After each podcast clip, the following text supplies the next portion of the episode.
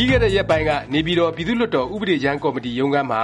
မြန်မာနိုင်ငံ ခရီးသွားလာရေး လုပ်ငန်းနဲ့ ပတ်သက်တဲ့ ဥပဒေကြမ်း တစ်ခု ဆွေးနွေးပါတယ်။ဥပဒေကြမ်းကို ရေးဆွဲတဲ့ ဟိုတယ်နဲ့ ခရီးသွားလာရေး ဝန်ကြီးဌာနက တာဝန်ရှိသူတွေ ဥပဒေကြမ်း ကော်မတီမှာပါတဲ့ အမတ်တွေ ပြည်ထောင်စု ရှေ့နေချုပ်ရုံးက တာဝန်ရှိသူတွေ ဆွေးနွေးကြတာပါ။ဥပဒေကြမ်း တစ်ခုကို လွှတ်တော်ထဲမှာ တရားဝင် မတင်သွင်းခင် အခုလိုပဲ ဥပဒေကြမ်းကော်မတီမှာ ဆွေးနွေးတဲ့ အလေ့အထ ရှိပါတယ်။ပြောရရင် လက်ရှိ မြန်မာ့ခရီးသွားလာရေး လုပ်ငန်းဟာ တိုးတက်မှု မရှိပါဘူး။၂၀၁၆-၁၇ ဘဏ္ဍာနှစ်နဲ့ နှိုင်းယှဉ်ရင် ၂၀၁၇-၁၈ ကုန်ဆုံးခဲ့တဲ့ ဘဏ္ဍာနှစ်မှာ ခရီးသွားဧည့်သည် အရည်အတွက် မတိုးတက်ခဲ့ရုံမက ၃ ရာခိုင်နှုန်းလောက်တောင် လျော့ကျသွားတယ်လို့ ဟိုတယ်နဲ့ခရီးသွားလာရေး ညွှန်ကြားမှု ဦးစီးဌာန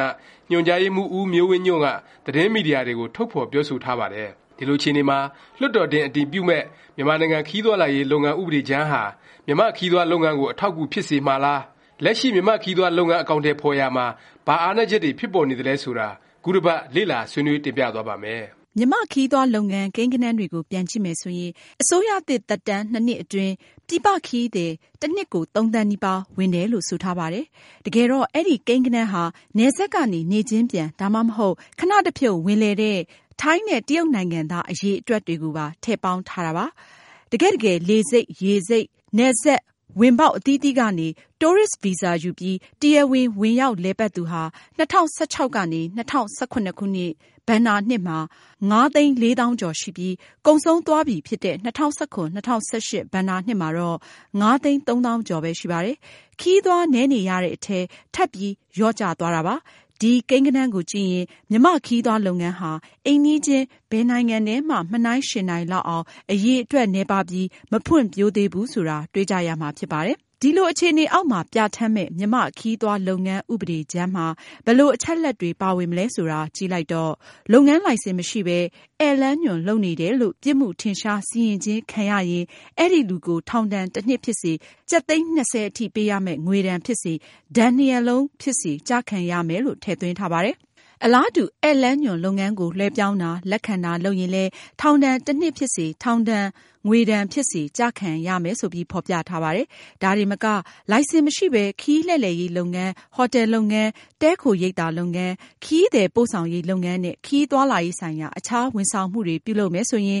ထောင်ဒဏ်သုံးနှစ်အထိ၊ငွေဒဏ်ဆိုရင် ကျပ်သိန်း ၂၀၀ အထိ ဒါမှမဟုတ် ထောင်ဒဏ်ရော ငွေဒဏ်ပါ ကျခံစေရမယ် ဆိုပြီး ထည့်သွင်းထားတာ တွေ့ကြရပါတယ်။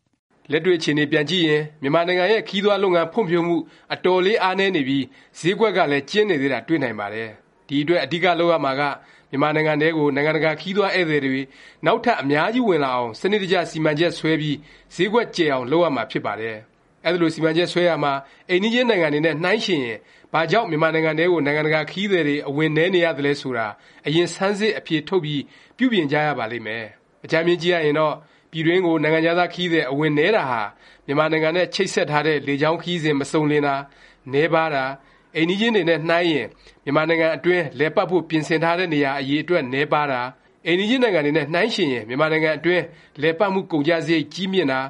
ခရီးသွားဝန်ဆောင်မှု လုပ်ငန်း အမျိုးအမည် မစုံလင်တာ၊အားနည်းနေသေးတာ၊ဈေးကြီးနေတာ၊မြန်မာ့ခရီးသွားလုပ်ငန်းဆိုင်ရာနဲ့ ပတ်သက်ပြီး သတင်းအချက်အလက် ဖြန့်ဝေမှု အလွန်အားနည်းနေတာ စတဲ့ အချက်တွေ တွေ့ရမှာ ဖြစ်ပါတယ် အဲဒီအချက်အလက်တွေကို ဖြည့်ဆည်းဖို့ဆိုရင် မြန်မာနိုင်ငံ ရန်ကုန်၊မန္တလေးလို မြို့ကြီးတွေနဲ့ အခြားနိုင်ငံက လေဆိပ်တွေ များများ ချိတ်ဆက်ပေးဖို့ လိုပါတယ်။ လက်ရှိမြန်မာနိုင်ငံကိုလာမယ့် ခရီးသွားတွေ အားလုံးလိုလိုလောက်ဟာ ထိုင်းနိုင်ငံနဲ့ စင်္ကာပူနိုင်ငံ လေဆိပ်တွေကနေတဆင့်ပဲ လာနေကြရပါတယ်။မြန်မာနိုင်ငံရဲ့ အရှေ့ဘက်အခြမ်းနဲ့ ဆက်သွယ်ထားတဲ့ လေကြောင်းလိုင်းဆိုလို့ မယ်မယ်ရရ မရှိပါဘူး။ဥပမာ အိန္ဒိယဘက်က ခရီးသည်တွေ မြန်မာနိုင်ငံထဲ လာမယ်ဆိုရင် လေကြောင်းလိုင်းကတစ်ပတ်တစ်ကြိမ်လောက်ပဲ ရှိပါတယ်။အိမ်နီးချင်း ထိုင်းနိုင်ငံကတော့ အင်အားကြီးတဲ့ Thai Airways လေကြောင်းလိုင်း ထူထောင်ပြီး ခရီးသည်တွေကို သူတို့နိုင်ငံတွေထိ သွားကြို ဝန်ဆောင်မှုပေးတဲ့သဘော လုပ်ကိုင်ပါတယ်။ နောက်ပြသနာတစ်ခုကတော့ နိုင်ငံခြားသားတွေအနေနဲ့ အိမ်နီးချင်းနိုင်ငံတွေနဲ့ နှိုင်းယှဉ်ရင် မြန်မာနိုင်ငံထဲ သွားလာလည်ပတ်ရတဲ့ ကုန်ကျစရိတ် ကြီးမြင့်တာပါ။ဟော်တယ်ခ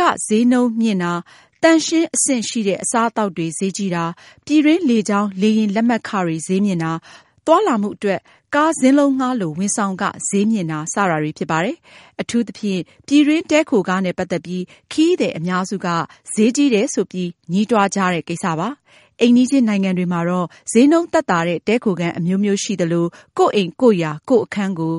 Airbnb လို website တွေကနေတဆင့် အင်တာနက်ပေါ်တင်ပြီး ဈေးနှုန်းသက်သက်သာသာနဲ့ငှားတဲ့ ဝန်ဆောင်မှုမျိုး ကျယ်ကျယ်ပြန့်ပြန့်ရှိနေလို့ပါပဲ။မြန်မာနိုင်ငံမှာသာ ကိုယ့်အခန်းကိုယ် Airbnb ပေါ်တင်ပြီး ငှားစားရင် လိုင်စင်မဲ့ဆိုပြီး အခုပြဌာန်းမယ့် ဥပဒေအရ ထောင် ၃ နှစ်တောင် ကျသွားနိုင်လို့ပါပဲ။ဒါနဲ့ပတ်သက်ရင် ဥပဒေနဲ့အညီ လိုင်စင်လုပ်ရင်ရောလို့ မေးစရာရှိပါတယ်။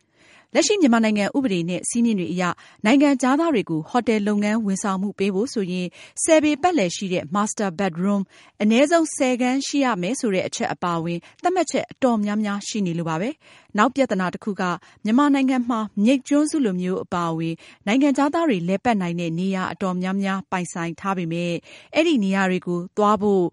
သွားရေးလာရေးအပြင် အခြား ဘာဝန်ဆောင်မှုတွေကိုမှ မယ်မယ်ရရ ရင်းနှီးမြှုပ်နှံတာလုပ်မထားနိုင်သေးလို့ပါပဲ။အဲဒီအချက်တွေကိုကြည့်ရင်လက်ရှိမြန်မာ့ခရီးသွားလုပ်ငန်းဥပဒေဟာခရီးသွားလုပ်ငန်းဖွံ့ဖြိုးရေးကိုအထောက်အကူပြုစေမှာလား၊ဒါမှမဟုတ်လက်ရှိလိုင်စင်ယူအလုပ်လုပ်နေသူတွေကလွဲရင်ခရီးသွားလုပ်ငန်းထဲအမျိုးမျိုးသောနောက်ထပ်ရင်းနှီးမြှုပ်နှံသူတွေ၊လူလတ်တန်းစားတွေ၊နောက်လူတွေဝင်မလာအောင်တားဆီးဖို့ကြိုးစားတဲ့ဥပဒေမျိုးဖြစ်နေသလားဆိုတာရှင်းရှင်းလင်းလင်းသိမြင်နိုင်ကြောင်းပါ